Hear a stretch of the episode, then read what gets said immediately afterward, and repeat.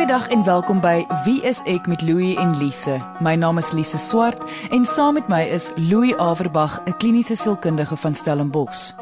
Vandag gaan ons gesels oor 'n interessante onderwerp. Wel, dit is vir my interessant. Ek hoop dit is vir jou ook interessant. Ons gaan gesels oor reeksmoordenaars. Hoe word iemand 'n reeksmoordenaar? Wat motiveer so iemand? En hoe verskil reeksmoordenaars van mekaar en die beeld wat gereeld in TV-programme en films uitgebeeld word? Louis, kom ons begin net eers met hoe jou pad met reeksmoordenaars gekruis het.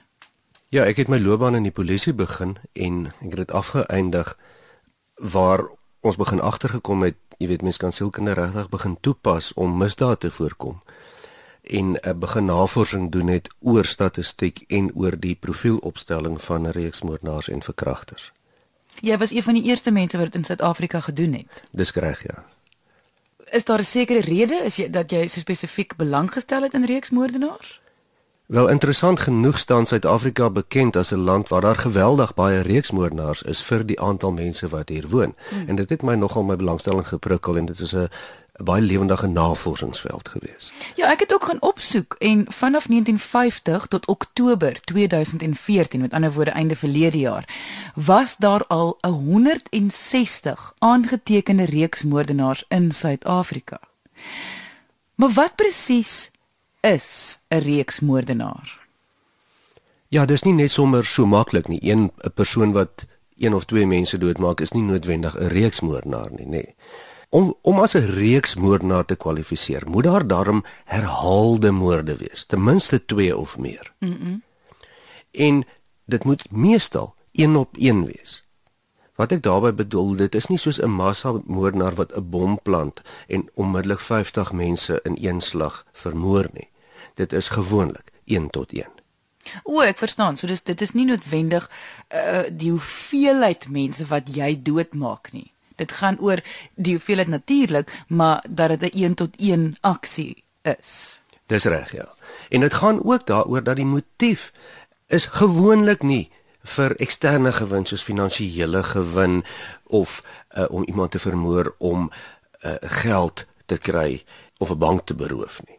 En dis ook nie 'n passiemoord nie, met ander woorde iemand wat in die ingewing van die oomblik kwaad geraak het en iemand vermoor het, byvoorbeeld 'n jaloerse minnaar nie.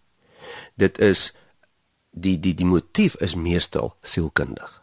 Wat ons verder dan sê is um, as jy as jy kyk na 'n tipiese reeksmoordenaar, gewoonlik is die slagoffer onbekend met die met die reeksmoordenaar. Dis dit is nie iemand wat in eie familie of vriende kringe uh, die misdaad pleeg nie, nê. Nee. Wanneer dit by manlike reeksmoordenaars kom oor die algemeen. En dit min of meer sal dan vir ons sê as iemand aan hierdie vereistes voldoen sal ons sien nou praat ons van 'n reeksmoordenaar. Wanneer mens lees oor reeksmoordenaars, is daar altyd 'n verwysing na psigopatie. So wat ek wil weet is is alle reeksmoordenaars psigopate? Alhoewel ek hoop regtig jou antwoord is ja, want anders gaan dit eintlik nogal erger wees as hulle nie is nie. Vreemd genoeg in hierdie geval is een van die min kere wat ons op ons program amper 'n ja of nee antwoord kan gee. In die geval is dit nogal 'n ja. Nee feitelik alle mense wat reeksmoordenaars is, het een of ander vorm van psigopatie. En psigopatie bedoel ons die die antisosiale persoonlikheidsversteuring. Net om vir die konteks te skep, kan jy net vinnig weer verduidelik wat is 'n psigopaat of iemand met 'n antisosiale persoonlikheidsversteuring? Ja, dit is iemand wat in hom of haarself amper geen empatie of simpatie kan kry vir ander mense nie, nê, nee, wat herhaaldelik uh die reëls van die samelewing oortree. Daai dit is waar die term antisosiaal vandaan kom. Wat in die ou taal bekend gestaan het as psigopaat. En wat ons net dadelik moet bysit. Daar's baie mense wat sukkel met trekke van antisosiale persoonlikheidsversteuring of psigopatie, maar dit maak nie dat almal van hulle reeksmoordenaars is het of die potensiaal het om reeksmoordenaars moordenaars te wees nie. Maar andersom is dit wel so. So as mens dan in baie eenvoudige taal sal sê is as mens praat van iemand wat 'n psigopaat is of wat is antisosiale persoonlikheidsversteuring het, het dan geen of baie min simpatie of empatie met ander mense. Jy luister na Wie is ek met Louie en Lise op RSG 100 tot 104 FM. Daar word baie keer verwys na reeksmoordenaars as hiperintelligente mense. Baie mense praat oor hulle asof hulle die intelligentste mense op aarde is. Is dit waar? Want dit wil wil voel asof jy 'n reeksmoordenaar gaan wees as jy te intelligent is. Nee, dit is nie waar van alle reeksmoordenaars nie. Maar dit is die gunsteling tipe, wil ek amper sê reeksmoordenaar wat uitgebeeld word in films en TV. Ehm um, en ons praat hier van wat na verwys word as die georganiseerde nie sosiale tipe reeksmoordenaar. En dis spesifiek hierdie tipe persone wat reeksmoord pleeg wat van bo-gemiddelde intelligensie is ge gewoonlik. En jy gaan nou net moet verduidelik wat is 'n wat 'n georganiseerde nie sosiale reeksmoordenaar. Die die antwoord lê in in in die term georganiseerd met ander woorde goed deurdag en nie sosiaal met ander woorde hou nie van mense nie. Kan mens so ver gaan om te sê dit is nou iets so skaam wees? Juis nie. En hierdie is die interessante ene. Hierdie is die mense wat bo-gemiddeld intelligent is, wat as gevolg daarvan 'n uh, eh, gewoonlik bo-gemiddelde opleiding het en wat bo-gemiddelde prestasierekords het, wat baie goed funksioneer. Mense sal nie sê maar hierdie is mense wat sukkel in die samelewing nie. En wat regtig nie van mense hou nie, maar 'n vriendelike fasade voorsit met doelbewus sodat die samelewing nie kan sien wat agter die masker aangaan nie. Nou dit of die wil ek amper sê klassifikasie van 'n sekere tipe reeksmoordenaar is dan daardie baie uh, intelligente en baie berekende tipe misdadiger. Is daar die teenoorgesteldes, met ander woorde 'n tipe of 'n klassifikasie wat nie georganiseerd is nie? Ja, kyk, daar is intussen al baie navorsing gedoen om en, en om 'n reeksmoorde te klassifiseer en in meer verstaanbare terme te probeer navorsing oor doen. En die ander kant daarvan sal wees 'n gedisorganiseerde tipe reeksmoordenaar. En dit is verreweg amper die meeste tipe reeksmoordenaars. Dis mense wat uh nie regtig goed beplan nie, wat leidrade agterlos op misdaadtonele, wat baie keer alkohol en dwelms gebruik en nie noukeurig te werk gaan of intelligente werk gaan in die uitvoering van die misdaad nie en dan vroeër of later wel vinnig gevang word. Mens so amper sê dat die intelligente ene sal weet dat jy moet dit beplan en mooi uitvoer om nie gevang te word nie waar die ongeorganiseerde ene fokus dan te veel op die persoon wat doodgaan en nie op die beplanning rondom nie. Mens kan amper so sê en onthou dis 'n baie va definisie en 'n baie va onderskeiding, maar oor die algemeen gaan jou georganiseerde tipe reeksmoordenaar sal nie sommer misdade pleeg of die moorde pleeg in hulle eie omgewing waar hulle bly nie. En sal slagoffers kies wat nie kan terugverwys na hulle nie en sal verskillende tipe slagoffers kies terwyl ons by die disgeorganiseerde tipe sien kies slagoffers wat naby hulle bly vat meer risiko's sommer partykeer mense wat jy dalk per toeval ken ehm um, en is nie te noukeurig om leidrade te vermy nie asof hulle die reëls breek van reeksmoordenaars. As mens dit so kan stel, ekskuus. Die reëls ja, soos wat ons dit op die TV en die film sien en dit is ja. is net 'n spesifieke tipe. Hoe verskil manlike reeksmoordenaars van vroulike reeksmoordenaars? Ek weet daar is vroulike reeksmoordenaars, hulle is nie so volop soos die mans nie. Ehm um, soos byvoorbeeld die bekendste in Suid-Afrika was Daisy de Melker wat haar twee mans vermoor het uh, vir hulle lewenspolisse en sy het blykbaar ook haar seun vermoor, maar niemand is seker hoekom sy dit gedoen het nie want daar was geen gewin nie. Nou net nou het jy gepraat oor hoe daar geen finansiële gewin is nie. So ek neem aan dit is meer 'n vroulike reeksmoordenaar se modus operandi is die ding van daar's gewin, daar is geld wat sy daar uit kan kry. Ja, vroulike en manlike reeksmoordenaars verskil. Maar die verskil is baie meer in die metode van die moord as in die gewin. Nou kyk vroeër jare het En as ons praat van in die tyd van Daisy de Melkers, was dit baie ongewoon vir vrouens om onafhanklik te wees en self inkomste te verdien. Mm -mm. En dit is waarom die finansiële gewin, die polis of wat dit ook al mag wees, altyd gekoppel was aan die motief van die vroulike reeksmoordenaar se moord. Maar navorsing wys al hoe meer. Dis nie regtig die motief nie. Die motief is maar meer sielkundig. Dit is baie keer meer sadisties of wat dit ook al is. Dis maar net 'n bonus as daar iets daar uitkom. Ja, maar die metodes verskil feitelik al altyd vroulike reeksmoordenaars nie almal nie maar oor die algemeen gebruik graag gif terwyl manlike reeksmoordenaars meer fisies by hulle by hulle slagoffers betrokke betrokke is. So wat jy sê is altyd dieselfde of jy nou man of 'n vrou vroulike reeksmoordenaar is, gaan jou motief dieselfde wees. Hoekom jy dit doen gaan min of meer dieselfde wees. Daar's nie verskil in die geslagte nie, maar hoe hulle dit doen verskil definitief. Ja. Maar natuurlik, jy kan dink 'n man is mos nou by uitstek 'n sterker wese as 'n vrou, so jy kan dink 'n vrou sal 'n kom ons noem dit 'n sagter manier hê. Ja, en dis baie keer meer praktiese redes. Mans word oor die algemeen meer groot uh, met wapens en meer ruwe tipe van werk of kan ten minste dit makliker doen. Vrouens het eenvoudig baie keer net nie die ervaring van hoe werk 'n wapen of iets dergeliks. Ons gesels vandag oor reeksmoordenaars. Indien jy die eerste helfte van die program gemis het, kan jy na die pot gooi op RSG se webwerf gaan luister. Dis rsg.co.za en die sleutelwoord is wie is ek. Onthou, jy kan ook vir ons enige sielkundige vraag vra. Soms vat dit so 'n bietjie lank, maar ons probeer om elke brief wat ons ontvang te beantwoord. Gaan net na ons webwerf wie is ek eenwoord.co.za vir ons kontakbesonderhede. Jy kan ons ook deur ons Facebookblad kontak onder wie is ek met Louie en Lise.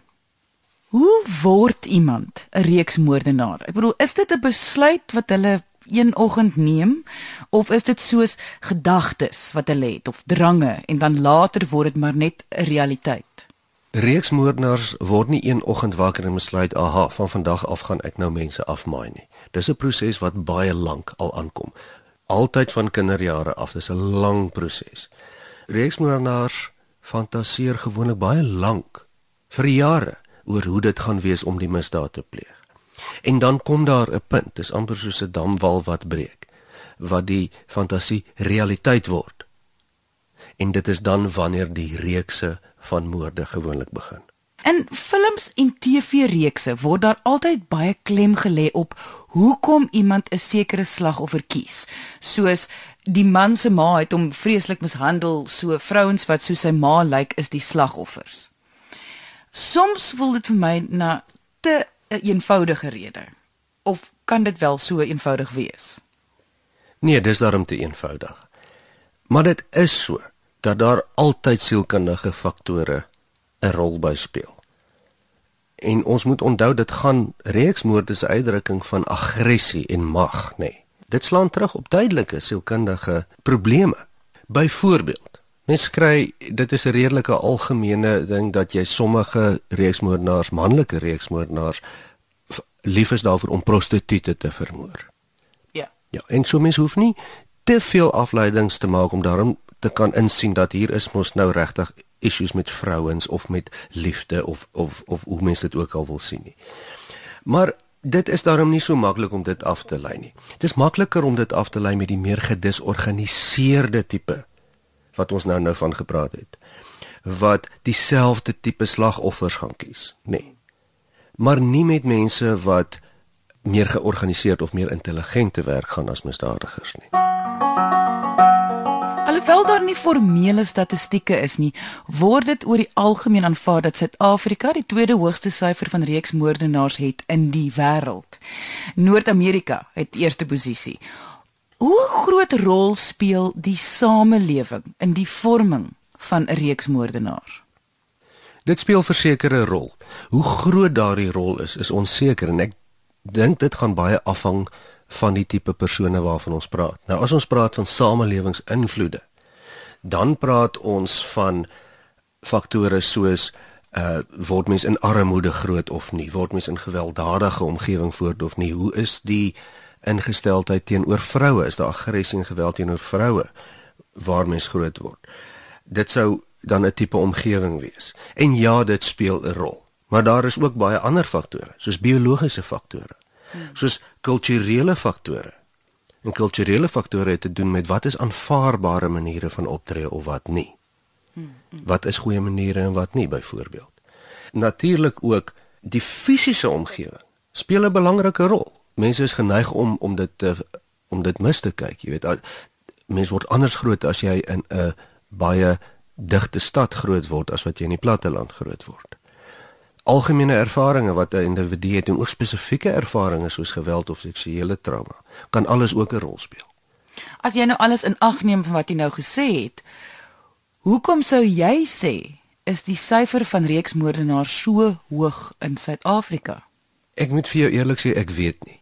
Ek kan geen ingeligte opinie daaroor gee nie behalwe dat ek dink dat dit hier te doen het met samelewingsinvloede soos wat jy tereg gevra het. Ons lewe in 'n geweldige aggressiewe samelewing waarin ons berig is daarvoor dat ons geweld teen vrouens uh deel is van ons samelewing, ons verkrachtingssyfer is baie hoër.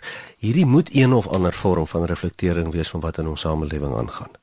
Ons het in die eerste helfte van die program met ons gepraat oor hoe jy profilering gedoen het in die polisie diens oor reeksmoordenaars spesifiek. Ehm um, so toe jy nog profilering gedoen het, hoe het die proses gewerk? Ek bedoel na watter feite moet jy kyk om 'n idee te kry van wie 'n sekere reeksmoordenaar is? Daar is soveel faktore, nee, waarvoor mens moet kyk. Jy weet en ek kan net 'n paar noem.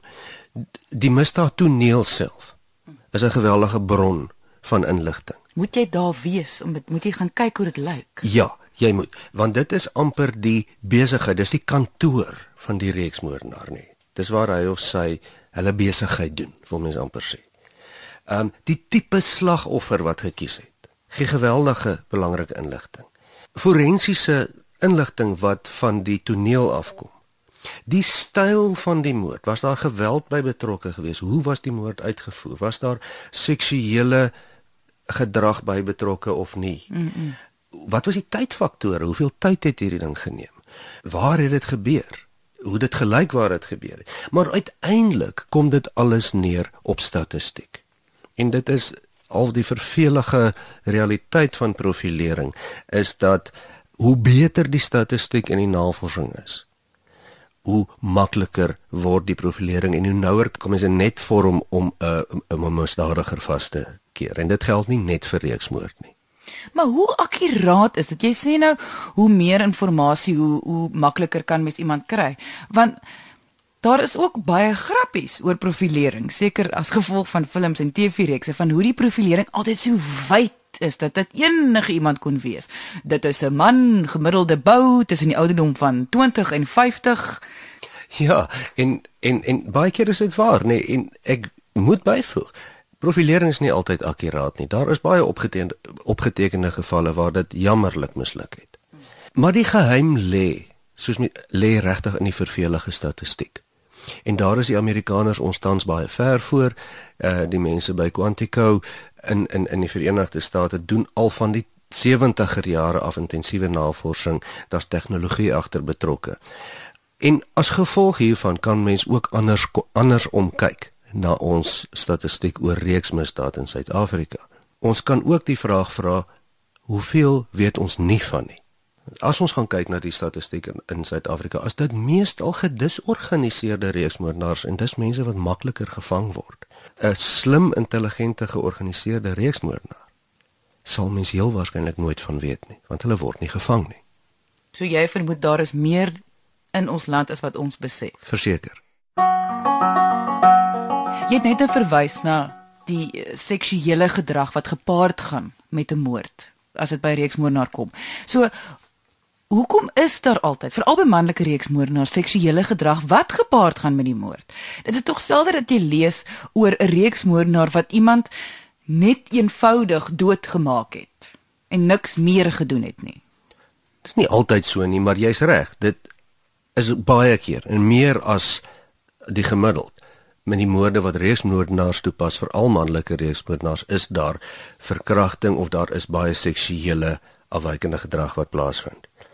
Verkrachting of seksuele marteling is 'n uitdrukking van aggressie en van mag. Dit is nie 'n seksuele ding nie. En die motief van reeksmoord is direk hieraan gekoppel: aggressie en mag. Dit is 'n uitbeelding van baie aggressie, baie mag.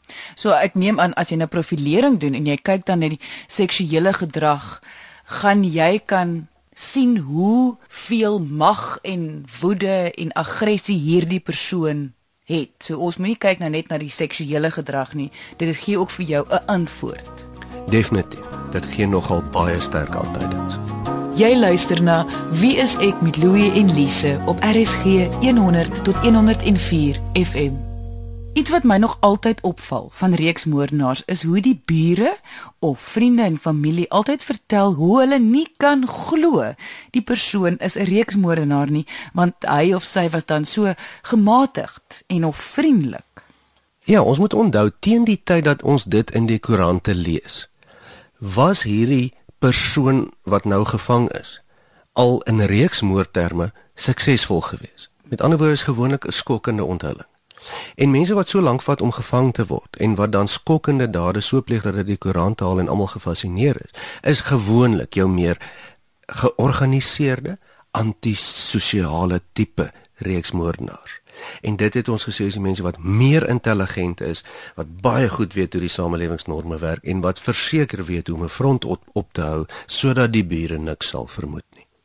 So is daar geen manier om 'n reeksmoordenaar voor die tyd uit te ken nie.